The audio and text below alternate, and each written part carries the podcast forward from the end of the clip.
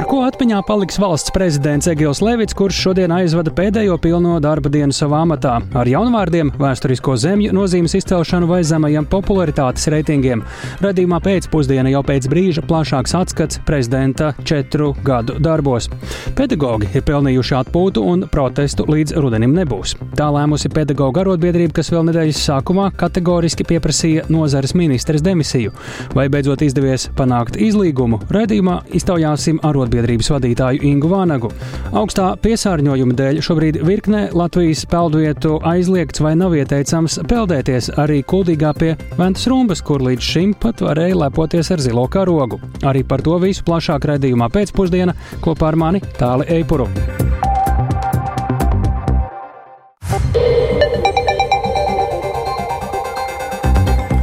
Ir 16,5 minūtes skan Pēcpusdienas ziņu programma, skaidrojot šodienas svarīgus notikumus. Studijā tālāk Eipurs.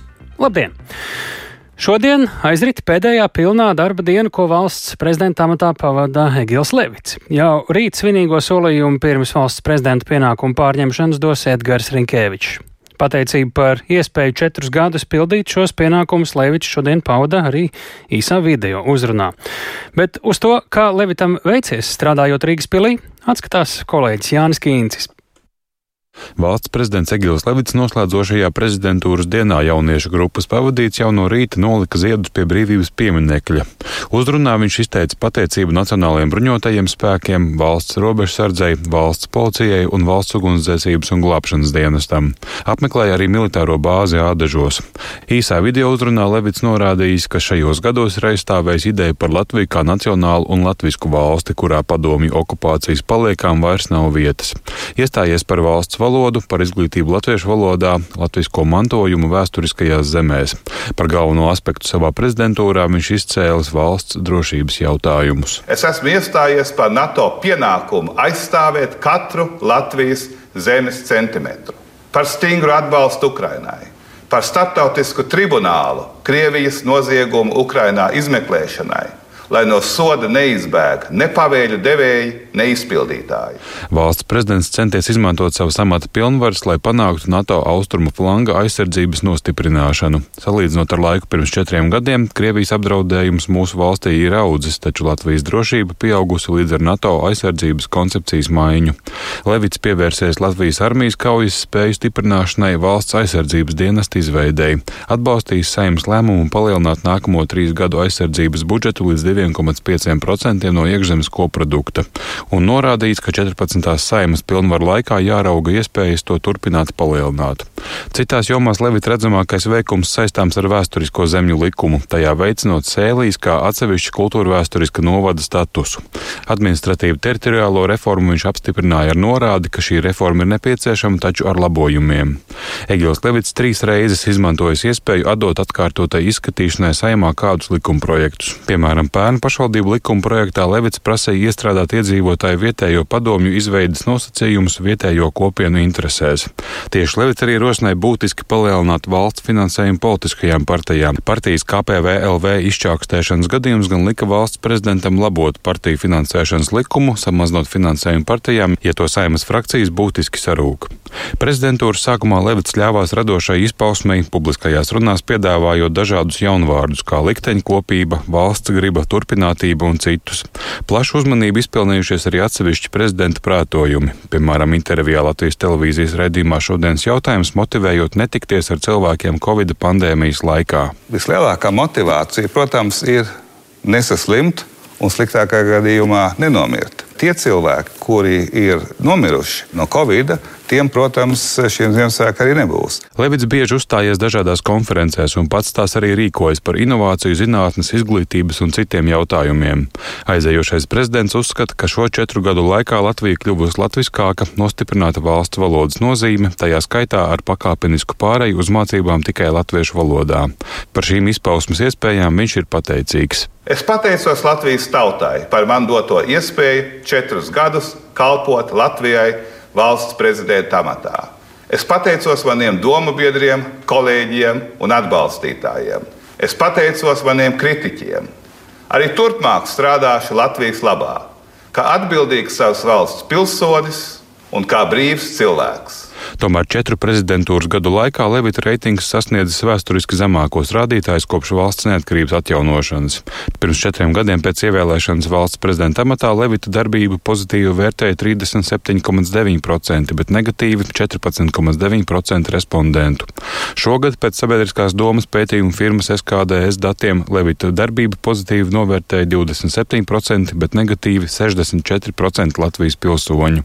Daļai šāds novērtējums skaidrots ar krīžu laiku. Levita prezidentūra bija Covid pandēmijas laikā, vēlāk nācās cīnīties ar Baltkrievijas hibrīdu uzbrukumu, virzot uz Latvijas robežu bēgļus. Savukārt pagājušajā apkura sezonā nācās cīnīties ar energoresursu strauji augošajām cenām.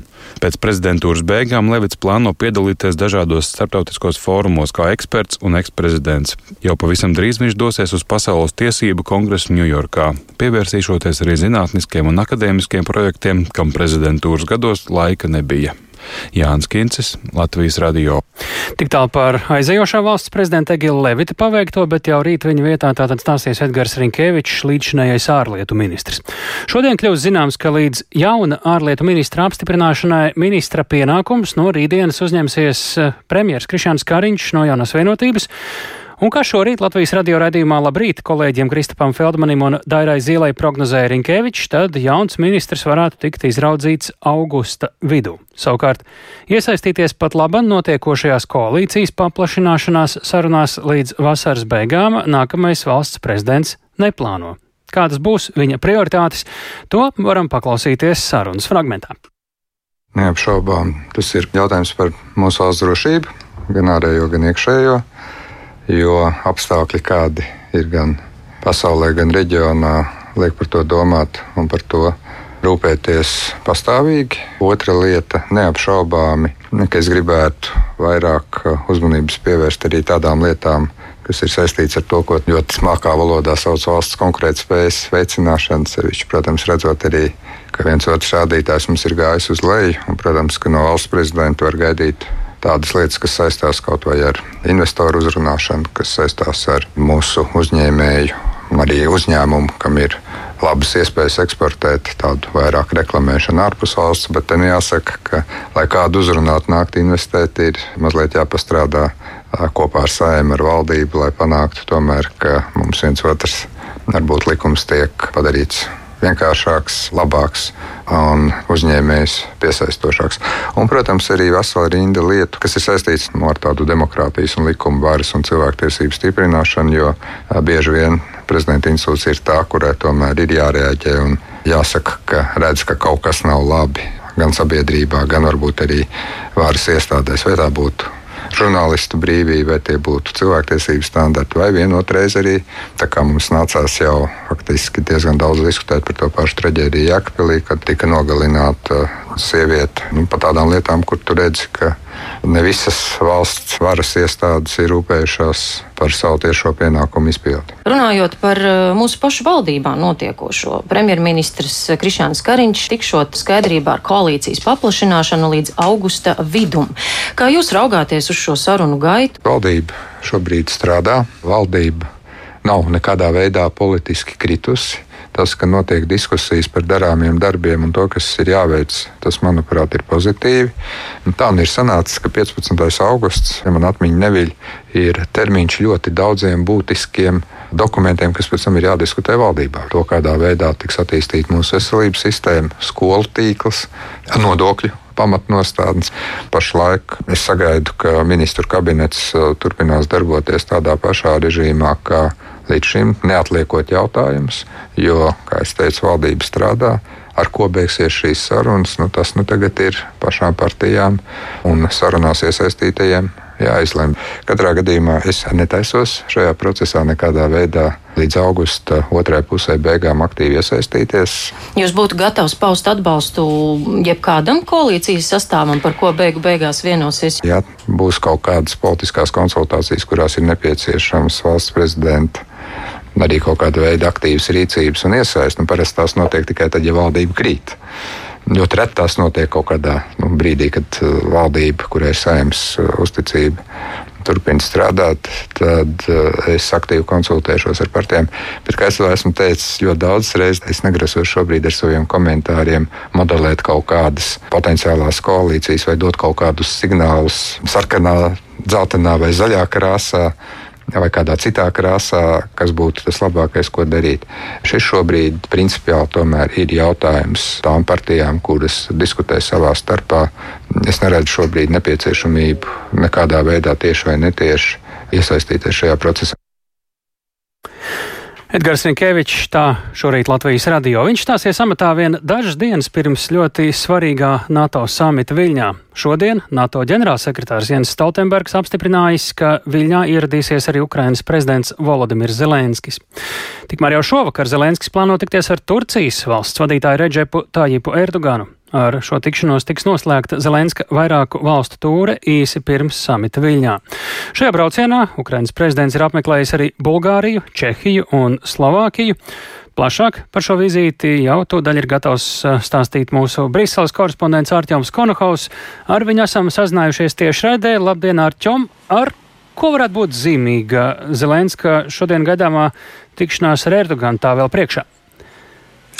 Jā, labdien, tālu, labdien, klausītāji. Tik tiešām šī tikšanās būs, vēl priekšā, tā būs gaidāma visticamāk dienas beigās, jo pavisam nesen Zelenskis ir bijis Slovākijā un tik tikko ieradies tur. Tā kā tiešām ļoti noslogota diena un ļoti noslogotas dažas dienas viņa grafikā un mēģinot apmeklēt vairākas valstis. Un, protams, Turcija ir atšķirīga ar vairākām lietām. Tā ir liela, ievērojama NATO valsts. Tie pašā laikā tās prezidents Reģips Tajips Erdogans mēģina uzturēt arī pietiekami labas attiecības ar Krievijas vadību.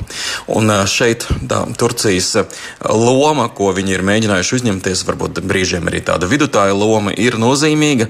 Un sevišķi mēs runājam par to, ka um, Melnās jūras graudu vienošanās drīzumā beigsies, un pagaidām Krievija neizrāda lielu interesi to pagarināt, un tam varētu būt, protams, protams, ļoti nopietnas sekas.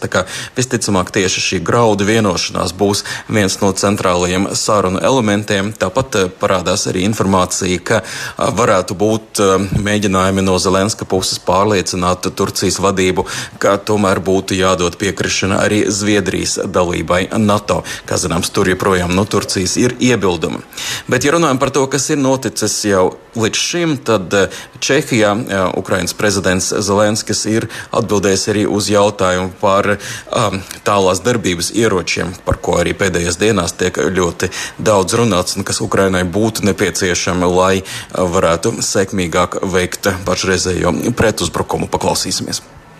Без далекобійної зброї складно ne tikai наступальну misiju виконувати. Bez tālās darbības ieročiem ir grūti veikt ne tikai uzbrukumu, bet ir grūti arī sevi aizstāvēt. Ja jūs aizsargājat savu zemi, bet nevarat sasniegt pienācīgu attālumu, lai iznīcinātu ienaidnieku, tad ienaidniekam ir attāluma pārākums. Tādēļ es teiktu, ka tālās darbības ieroči ir būtiski ne tikai no uzbrukuma, bet arī no aizsardzības viedokļa. Vēl jāpiebilst, ka pirms brīža ir kļuvis zināms, ka ASV prezidents Joe Bidenis ir apstiprinājis kasešu bumbu piegādu Ukrainai. Tā būs daļa no nākamā ieroču sūtījuma šai valstī, kas kopumā būs vairāk nekā 700 miljonu eiro vērts. Tad kārtējais tāds ievērojams eh, sūtījums no ASV un savukārt Eiropas Savienības valstis eh, pagājušajā naktī ir eh, panākušas tādu politisku vienošanos par vēl 500 miljonu eiro piešķiršanu piešķiršanu, bet ne Ukrainai, bet gan drīzāk šajā gadījumā, lai varētu veicināt ieroču ražošanu Eiropā. Bet tas, protams, arī ir saistīts, jo šie ieroči tad vēlāk varētu nonākt jau Ukrainā. Tāli. Jā, Arčam, ir zināms, ka Ukrainas prezidents vēlas nākamnedēļ viņā saņemt ielūgumu iestāties NATO.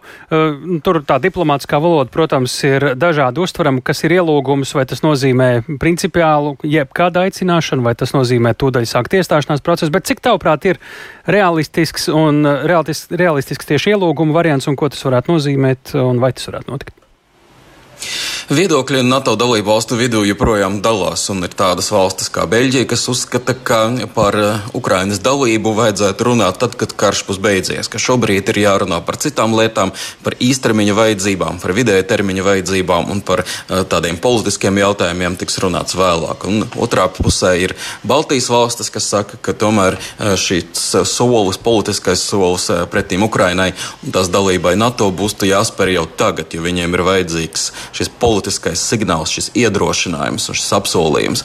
Un, uh, visticamāk, tad, tad tas risinājums būs kaut kur pa vidu. Es personīgi nesagaidu, ka Ukraina varētu saņemt tādu pavisam oficiālu ielūgumu iestāties NATO pēc kaut kādu kritēriju izpildes. Visticamāk, būs kaut kāds apsolījums, ka tas tiešām varētu notikt, bet kaut kad vēlāk, visticamāk, arī skaidri neminot, kad tieši. Tomēr Čehijas premjerministrs Pēters Fjāli ir sacījis, jā, ka nu, signāls signāls politisks būs pietiekami iedrošinošs. Viņa prāta paklausīsimies. Summit Severoatlantické aliance ve Vilniusu, tak doufám, věřím, že se pan prezident Zelenskis bude moci. Es ceru, ka prezidents Zelenskis varēs personīgi apmeklēt Ziemeļatlantijas alianses samitu Viļņā. Es sagaidu, ka visi Ziemeļatlantijas alianses sabiedrotie skaidri atbalstīs Ukrainas centienus iestāties šajā organizācijā. Prezidents var noteikti rēķināties ar Čehijas balsi. Počítāt. Tas, ko Ukraina droši vien negribētu eh, redzēt un dzirdēt šajā Viļņas samitā, ir, ka tiktu vienkārši atkārtots tas, kas jau iepriekš ir Bukarestē solīts, ka NATO durvis ir atvērtas Ukrainas dalībai, kā ar to būtu pamazs. Tad viņi gribētu tomēr jau kaut kādu lielāku konkrētību, bet redzēsim, ko tad eh, tieši nesīs nākamā nedēļa. Paldies Artimam Konohovam, ziņojot par Ukrainas prezidenta tūri dažādās Eiropas valstīs.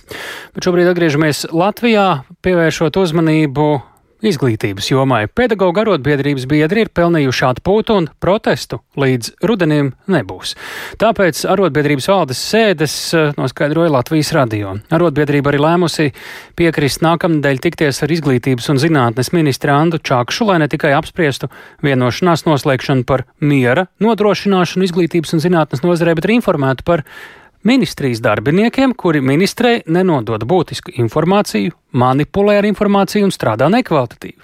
Te jāatgādina, ka arotbiedrība pavisam nesen, 30. jūnijā, pieprasīja izglītības ministras demisiju, jo ministrija arotbiedrības uzskatā joprojām nebija viesus skaidrību par pedagoģu finansēšanas kārtību, taču ministri neatkāpās un arī premjers pēc tam nepiedāvāja arotbiedrības prasītos steidzamos risinājumus un vienkārši aicināja beigt kašķēties. Pēc arotbiedrības valdes ārkārtas sēdes esam sazinājušies ar tās vadītāju Ingu Vanagu. Labdien! Sveicināti. Jūs pirms uh, vēl neilga laika prasījāt ministrs demisiju, kad tas nenotika, prasījāt premjeram Kariņam steidzamus risinājumus.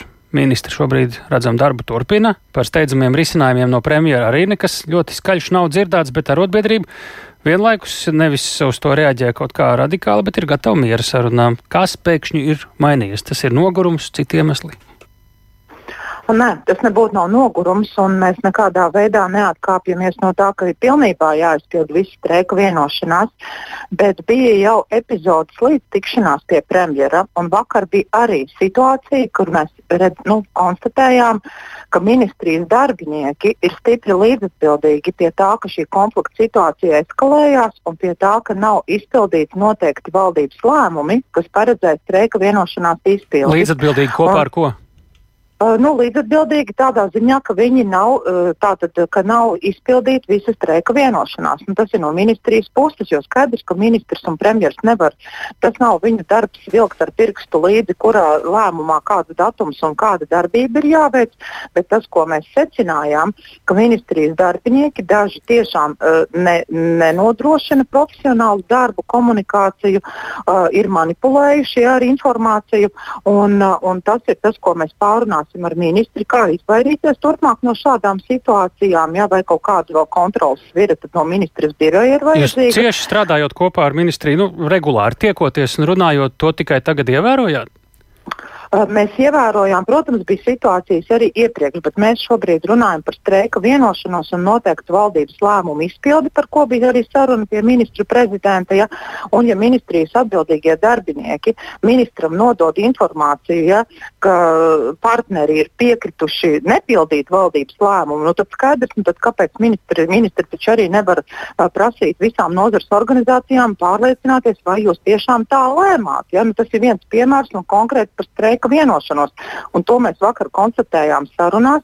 Tieši tāpēc, izvērtējot to, ka ir bijusi šī arī vēl nu, ko komunikācijā, izpildē problēmas, ja, kas ir eskalējušas arī, protams, mūsu konflikta situāciju sadarbībā ar nozares ministru un iedragājuši sociālo dialogu. Tāpēc mēs piekritām pašas ministrs aicinājumam tikties, pārunāt šīs situācijas konkrētās par streika vienošanos, ja, un kā ir arī interpretēti šie aprēķini ja, no ministrijas atbildīgajiem darbiniekiem. Un tad, uh, meklēt risinājumus un, no, un pa, slēgt, nu, piedāvājam vienošanos ar precīziem punktiem. Un, ja nu gadījumā ministri tam nepiekrīt un ja nav šī vienošanās, ja, eh, tad lemjam par eh, rīcību rudenī, jo vasarā mēs secinājām, ka nu, tas nav saistīts ar nogurumu, bet ar pelnītu atpūtu. Un protesta akcijas, kādas rīkot vasarā, mēs uzskatām, ka nav liederīgi. Un, ja gadījumā nav šie risinājumi, kas uh, Un pēc mūsu ieskata būtu ja, vēl iespējamie ja, tātad, lēmumi par labu un lai panāktu visu streiku vienošanos, tad ir tad rudenī. Jā, mēs tas nenozīmē, ka mēs tagad no kaut kā atkāpjamies. Nē, kategoriski nē, bet te ir tiešām vajadzīga saruna ar ministri vēlreiz, lai pierādītu, kur kāds uh, ministrijas darbinieks uh, nu, ir pieļāvis ļoti rupjas pārkāpumus, un tas balansē arī uz ētikas pamatprincipiem valsts pārvaldē. Ja es gaidām rudeni, vai tas var nozīmēt, ka pie mācību gada sākuma jau varētu būt arī pirmā kaut kāda veida protestēšana, ja arī tad vēl nebūs pietiekams skaidrības par pedagoģu finansēšanu precīzi jūsuprāt, vai tas varētu būt kaut kad vēlāk un līdz tam uh, ministrijai nekādu draudu par protestiem varētu nebūt? Uh, viens no priekšlikumiem jau bija arī tad, kad vēl bija vēl pirms šīm sarunām un arī pirms demisijas pieprasījuma. Viens no priekšlikumiem bija neuzsākt jauno mācību gadu. Uh, galavārdu to saka padome, uh, ņemot vērā. Noņemts no dienas kārtības šis nav. Nē, nav tas noņemts no dienas kārtības, un visiem nozares darbiniekiem ir jābūt drošiem, ka prasības vienošanās būs jāizpilda politiķiem līdz galam. Tikai mums tagad ir tiešām jātiek galā ar tām problēmām, kas ir radušās kopš streika līdz, tātad, nu, līdz vakardienas tikšanās. Un ir saruna ar ministri, un tad mēs saprotam, ir kāda vienošanās, nav kāda vienošanās, un kāda ir ministrijas nostāja attiecībā pret noteiktiem ministrijas ierēģiem, kuru, līdz, kuru atbildību var pierādīt ja, ar nu, tiešām nu, tas, mēs, mums vienkārši ir vajadzīga šī saruna ar ministri. Burtiski, burtiski mums jau trīs sekundes. Burtiskā nozīmē, jūs kādā brīdī esat gatavi nosaukt arī šos ierēģņus? Uh, jā, mēs esam gatavi nosaukt, bet pēc sarunas ar nozares ministriju un tad, kad mēs iegūsim pieprasītos pierādījumus, ko jau mēs esam prasījuši ministrijai atsūtīt, lai mēs varam uh, to visu pierādīt, mums ir vajadzīgas uh, noteikti informācija vēl iegūt mm. no ministrijas, lai, Labi. lai fakti galdā un uh, ministrijas ierēģinu klātbūtnē. Paldies par sarunu Ingai Vanagai, Latvijas izglītības un zinātnes darbinieku arotbiedrības vadītājai. Mēs ejam tālāk un pievēršamies. Uh, pārlaicīgām vērtībām šeit Latvijā. Ir aizvadīts pirmais deju lielkoncerts dziesmu un deju svētkos eh, ar nosaukumu Mūžīgais dzinējs. Vairāk nekā 17 tūkstoši dejotāji šodien Daugaus stadionā ļāva košiem irdzēties eh, Latvijas novadu krāsā. Par pirmajiem iespaidiem no koncerta gan no tā skatītājiem, gan pašiem dalībniekiem plašāk Agnijas Lazdiņas reportāžā. Sveicināti 17. pēcsvētkos Daugavas stadionā. Lielu uzvedumu mūžīgais dzinējs repertuārā iekļautas 33 dejas, no kurām 13 godalgotas jaunradas dejas un 7 no Latvijas skatuviskās dejas zelta fonda. Mūžīgā dzinēja stāstu veido varonis ik katra cilvēka laika biedrs ceļinieks, kas dodas ceļojumā pa Latviju, apciemojot savas dzimtas vietas, tuvākus, attālākus radus, tostarp mājas, kur pavadīta bērnība. Soli pa solim koncerta stāsts atklāja Latvijas novadu dažādību, tostarp vietējo iedzīvotāju īpašības un tikumus.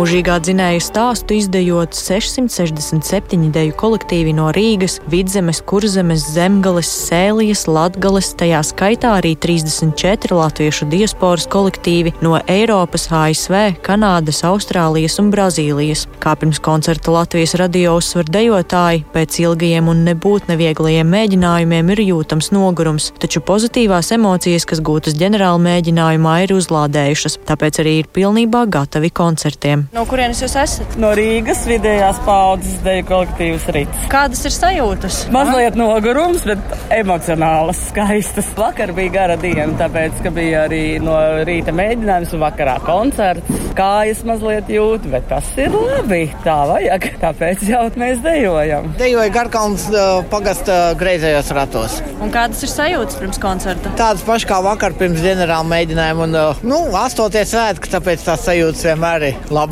Daudzēji ansamblis teiksmu. Vidējā paudze. Un kādas jums ir sajūtas pirms koncerta? Nedaudz nogurdinošas, bet fantastiski. Jā, lai arī tā nedēļa bijusi ļoti piesātināta, mēģinājumiem bagāta, tomēr eh, jau vakardienas eh, ģenerāla mēģinājuma koncertiņš iedeva tādu papildus enerģijas devu. Uz tās arī dzīvojam. Pārstāv cēsu novadu Vaivas pagastu, deju kolektīvu Vaiva. Man jau sestie svētki, un visi ir kā pirmo reizi, un skudriņas skrien pār ķermeni.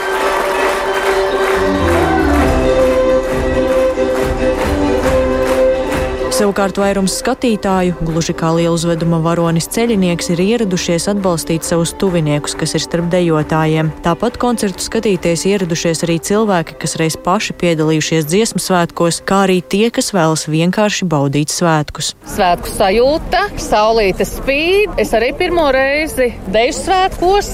Ceru, ka būs lielisks emocijas, ka tas maģiskais mirklis atkal būs noķerts. 55. gadā te mēs lecām bijām deju svētkos. Un kādas ir sajūtas nāk apmeklētājai? Nu, tāpēc es gribu tagad izjust. Es jau katru reizi uz koncertiem esmu. Nu, es domāju, ka tur tas būs labs koncerts. Man tur mazmeita dejo. Man dēls dejo, tāpēc es atbraucu un paskatīties. Ļoti gaidu to koncertu. Gribu izbaudīt, jo skatoties pa televizoru, nu, tad nevar to izbaudīt kā tu esi te uz vietas. Jūs esat uh, arī bijuši reiz dalībnieki svētkos? Nu, Kādreiz, ļoti sen skolnieku dziesmu svētkos. Tas bija jauns un smuks. un kādas šobrīd ir tās sajūtas? Nu, kolosāls. Tas vienreiz, vienreizējais notikums pa pieciem gadiem.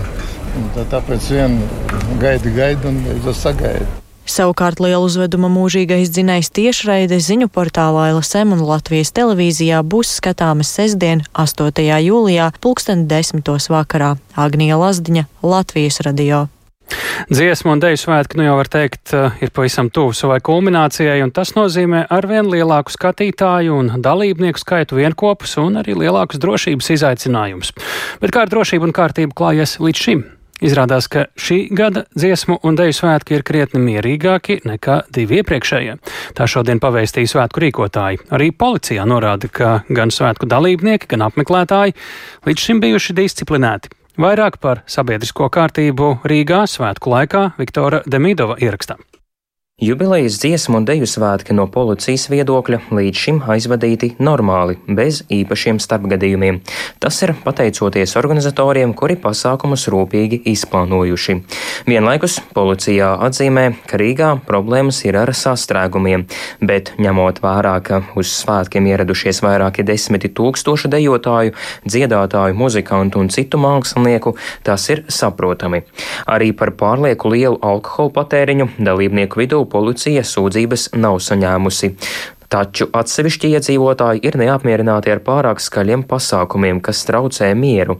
Turpina valsts policijas pārstāvis Ansis Pumpurs. Gan Daugavas stadiona apkārtnē, gan arī centrā, bet iedzīvotājiem tiek skaidrots, ka nu, tie ir svētki, tomēr jauni, lai pieiet ar izpratni un šīs neērtības, tomēr tās ir īslaicīgas. Tā ir nedēļa, kad šie svētki ir, un svētki ir gan tiem, kas piedalās, gan tiem, kas arī skatās, un šī sajūta ir jūtama pilsētā, un tie daži tie zvani, ar neapmierinātajiem, nu tādi ir bijuši vienmēr ikdienā. Salīdzinot ar iepriekšējiem diviem vispārējiem latviešu dziesmu un deju svētkiem, kas notikuši 2018. un 2013. gadā, šogad svētku nedēļa bijusi vismierīgākā.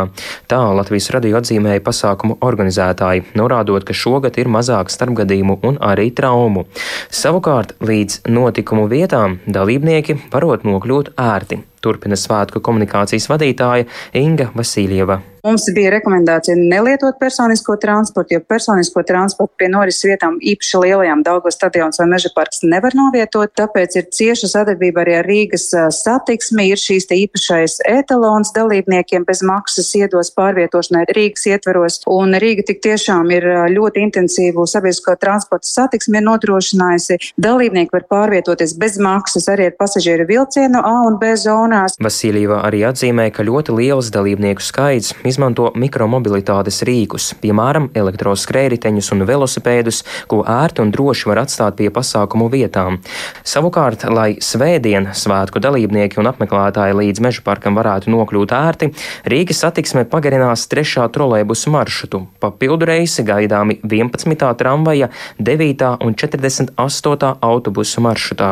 Sabiedriskais transports no pilsētas centra uz lielākajām apkaimēm kursējas līdz pirmdienas trījam naktī. Savukārt sadziedāšanās nakts laikā 11. maršruta tramvajs kursēs visu nakti, kad gaidāmi arī papildu vilcienu reisi. Viktoris Demidovs, Latvijas radio.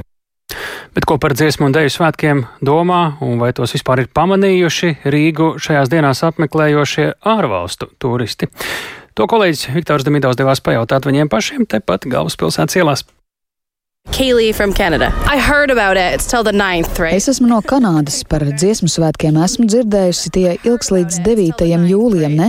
Neko daudz par tiem nezinu. I don't know much about it. I've heard that there will be kind of thousands of singers and so on. They're going to sing together. Like... Esmu dzirdējusi, ka svētkos piedalās tūkstošiem dziedātāju, kur kopā dzied. Es to labprāt redzētu, bet man Rīgā palikušas tikai piecas stundas. Domāju, ka pasākums būs pārsteidzošs. Very amazing. Yeah, yeah, we know. We just Jā, mēs zinām par dziesmu svētkiem. Mēs vakar vakarā redzējām, kā parkā ierīkotajā teltī dzied un dejo. Tas bija ļoti jauki un iespaidīgi.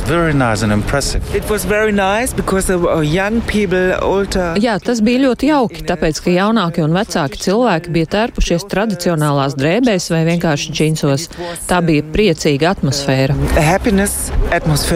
Nu, мы не видели ничего еще, но нам очень интересно, потому что мы много слышали. Esmu no Ukrainas. Pagaidām vēl neko neesam redzējušas, bet mums ir ļoti interesanti, jo mēs daudz esam dzirdējuši par šiem svētkiem. Ceram, ka tos vēl dzirdēsim un svinēsim kopā ar jums. Будем с вами праздновать тоже. That's why we're here. Weeks, Dziesmu svētku dēļ esam šeit sešas nedēļas, apciemojam arī radus un dziedam nedaudz skaļāk. Like is... No dziesmu svētkiem man visvairāk patīk redzēt, kā priecīgas bērnu sejas vēro dejotājus. Tā Rīgas ielās sastaptie ārvalstu apmeklētāji par dziesmu un dēļu svētkiem. Nu, pabeidzot uh, svētku tematiku, praktiski rakstura informācija par transportu. Šovakar pēc dēļu lieluzveduma no Daugavas stadiona būs papildus sabiedriskā transporta reisi, tāpat, lai nodrošinātu pasažieriem un dalībniekiem ērtāku nokļūšanu gan uz, gan no Daugavas stadiona, tiks organizēts speciāls trolēbus maršruts centrālā stacija Daugavas stadions. Un svētku rīkotāji aicina rīt un parīt, tātad sestdien un svētdien uz noslēguma koncertu koncertu un tā ģenerāla mēģinājumu visus doties cik vien var laikus, vismaz pāris stundu iepriekš. Šāds aicinājums izplatīts sagaidāmā lielā apmeklētāju skaita dēļ. Atgādinām, ka svētku kopības sajūtu varēs rast ne tikai koncertos klātienē, no šodienas arī Rīgas apkaimēs. Lielos koncertus varēs kopīgi skatīties uz lielajiem ekrāniem. Un jau esam informējuši par augstu mikrobioloģisko piesārņojumu un ierobežojumiem virknē oficiālo jūras un iekšzemes peldvietu. Un burtiski pirms dažiem mirkļiem saņemtā informācija no veselības inspekcijas liecina, ka tā neiesaka šobrīd peldēties arī Jālgavā, Pasta salas peldvietā un Kolkas peldvietā Tālsu novadā. Arī šo peldvietu ūdens mikrobioloģiskie rādītāji pārsniedz pieļaujamo normu vienlaikus. Mikrobioloģiskais, mikrobioloģiskais piesārņojums Pasta salas peldvietā un Kolkas peldvietā nav tik augsts, lai noteiktu aizliegumu peldēties. Pieminētais eh, vakar noteiktais aizliegums peldēties ir spēkā kopumā piecās oficiālajās peldvietās, tātad dubultos, asaros, kauguros, eh, šajās peldvietās, kā arī peldvietā Ainaži un Daugavpils šūņu ezera peldvietā. Savukārt ierobežojums eh, ar nosaukumu peldēties neiesaka, tagad ir spēkā kopumā deviņās oficiālajās peldvietās. Te runa ir par Jūrmāls pilsētu, Lielupi, Bulduru, Dzintaru un Majoru, Pumpuru, kā arī Melnužu peldvietām, bet Limbažu novadā tā ir Salacgrīvas peldvieta un vēl arī pieminētā Kolka un Pasta sala Jelgavā. Peldvietās, kurās šobrīd ir aizliegts peldēties, paņemt ir atkārtot ūdens paraugu un tie pat labi atrodas laboratorijā un rezultāti būs zināmi otrdien, līdz tam noteiktais aizliegums paliks spēkā. Bet, nu, aplūkosim vienu konkrētu peldvietu, šajā gadījumā Kurzemē, izrādās nav ieteicams peldēties arī kuldīgas iecienītākajā peldvietā pie Vēntas rumbas. Mārtiņsāls peldvieta līdz šim varēja lepoties ar zilo karogu, bet šo sezonu no tā bija jāatsakās. Pašvaldībā skaidro, ka ūdens kvalitāte epizodiski var ietekmēt piesārņojums no tuvākās apkārtnes, tāpēc turpmāk pastiprināti kontrolēs kanalizācijas sistēmas, kas nav pieslēgtas kopējam tīklam, un āra toalešu reģistrāciju. Nākamnedēļ upē sāksies arī vērienīga tīrīšana. Par situāciju Mārtiņas salas peldvietā Kuldīgā vairāk interesējās Inga Ozola. Brīdī, kad esmu pie Ventas, Mārtiņa salas peldvietā upes tecējumu bauda vien mazs pīlēns. Nav neviena cilvēka, līst lietus un peldvieta ir tukša. Ko gan nevarētu sacīt par karstākām dienām, kad peldvietā ļoti daudz gan vietējo atpūtnieku, gan pilsētas viesu, kuri labprāt izmanto iespēju izbaudīt Ventas rumbas ūdens krituma masāžu. Mārtiņa salas peldvietas glābējs Agris Kesenfelds stāsta par šī rīta peldētāju, kuru norāda peldēties nav ieteicams, netraucē. Viens bija onku, kurš nāk, kā modināties 11. Un šodien viņš arī bija. Vīrs gados jau viņš nāk. Kāds rumbā nav gājis šodien? Šodien nav gājis vēl neviens pāri. Tāpēc, ka droši vien laika apstākļi nav īsti piemēroti. Nu, nav, nav, ir tāds vēsāks šodien. Nav forši. Bet tā jau parasti tādā normālā dienā pie rumbas. Ļoti ir... labā dienā ir kā uz Liepājas ielas pilns ar cilvēkiem. Godīgi, jā, protams. Ieteikums pagaidām nepeldēties Mārtiņa salas peldvietā nav gluži aizliegums peldēties, saka Veselības inspekcijas vecākā speciāliste vidas veselības jautājumos Daina Sudraba Livcāne. Parasti tas ieteikums nepeldēties attiecās vairāk uz jūtīgajām iedzīvotāju grupām, tas ir uz maziem bērniem, vecāka gada gājuma cilvēkiem arī cilvēkiem pēc kādas slimošanas, kuriem novājināta imūnsistēma. 13 gadus kuldīgi darbojas arī zilā karoga programmā. Ir izpildīti daudzi kritēriji. Peldvieta ir mūsdienīga, labiekārtota, darbojas glābēji, ir ierīkotas atpūtas vietas, taču šoreiz pievīlusi ūdens kvalitāte, kas pēdējo gadu laikā ir pasliktinājusies, turpina kuldīgas novada pašvaldības vides speciāliste Dācija Ansone. Šogad vienkārši dēļ peldūdens kvalitātes uh, rādītājiem neizturējās nepaturējām to kritēriju. Līdz ar to šogad mums ir Latvijas Nacionālā peldvieta. Veselības inspekcija ņem peldsezonā piecas analīzes par valsts finansējumu, kur nosaka tos galvenos rādītājus. Mēs kā pašvaldība vēl ņemam papildus. Sanāk divreiz mēnesī tie ūdens analīžu rezultāti. Pēc 20. jūnijā ņemtajām peldūdens analīzēm uzrādījās, ka pārsniedz viens rādītājs. Tieši zarnu enterokoku skaits skaits neatbilst, un līdz ar to mums šobrīd nav ieteicams peldēties. Kaut arī nākamie analīžu rezultāti var uzrādīt arī pozitīvu iznākumu un peldēties varēs droši, tomēr pašvaldībā meklēs ūdens piesārņojuma avotus. Mēs kontrolēsim tātad decentralizētās kanalizācijas sistēmas, lai mazāk nonāktu neatīrīti notekūdeņu ventā, veiksim pārbaudes un arī jau veicam lai atklātu šīs vietas un tās novērstu. Mums ir tādas dārziņa teritorijas, rumbas dārziņi, ir arī vietas, atsevišķas droši vien dzīvojamās ēkas, kurām nav tas pieslēgums pie centralizētā kanalizācijas tīkla, nu, kuriem noteikti būtu jābūt tiem decentralizācijas kanalizācijas tātad tām izvedamajām akām. Tieši upju peldvietās visbiežāk ir sliktāka ūdens kvalitāte, skaidro veselības inspekcijas pārstāve. No 59 peldvietām Latvijā 44 ir ar izcilu kvalitāti, bet pārējās, kam ūdens kvalitāte ir zemāka, ir tieši upju peldvietas. Kuldīgā Mārtiņa sala ir vienīgā oficiālā peldvieta kurzemē, kas atrodas pie upes. Upes peldvietas ir vairāk, biežāk pakļautas piesārņojuma epizodēm. Un uh, upes peldvietās biežāk tiek konstatēts dažādas notekūdeņu ieplūdes, gan nepietiekami attīrītu notekūdeņu noplūdes ievadīšana, gan reizēm arī pēc stiprākām lietas gāzēm ūdens attīrīšanas iekārtas netiek galā ar to ūdens apjomu, tad tiek ielaist arī neattīrīt notekūdeņi un arī dažādi gadījumi, kad uh, nelegāli tiek ievadīti notekūdeņi. Kuldīgas novadā iedzīvotājus un viesus mudina ievērot higiēnas prasības peldvietām, nepieļaut neatīrīt ūdens noplūdes, kā arī tās tūmā nevis dzīvniekus. Nākamajā nedēļā Kuldīgas novada pašvaldības un dabas aizsardzības pārvaldes uzdevumā uzņēmums piekrastei uzsāks Ventas upes tīrīšanu un strauteču atjaunošanas darbus. Lai uzlabotu ūdens kvalitāti Mārtiņasāles peldvietā, augu pļaušana un izraušana sāks upes posmā no peldvietas līdz Ventas rumbai. Ingozola Latvijas radio kurzemē. Vēlot izbaudīt dziesmu un deju svētku noskaņu jums visērtākajā un patīkamākajā veidā. Redījums pēcpusdienā Šajā darba nedēļā no jums atvadās to veidoja Tāls Eipors, Ilze Agīntā, arī Renāš Steimanis, Mārtiņš Paeglis. Šo raidījumu, līdzīgi kā daudz citus, varat noklausīties arī Latvijas radio mobilajā lietotnē jums ērtā laikā. Nu, protams, arī tas pieejams eh, visās eh, lielākajās raidierakstu platformās. Līdz nākamajai darba nedēļai, nākamnedēļ, pirmā darbiena, otrdiena, pēc ziņām 4 un 5 pēcpusdienā.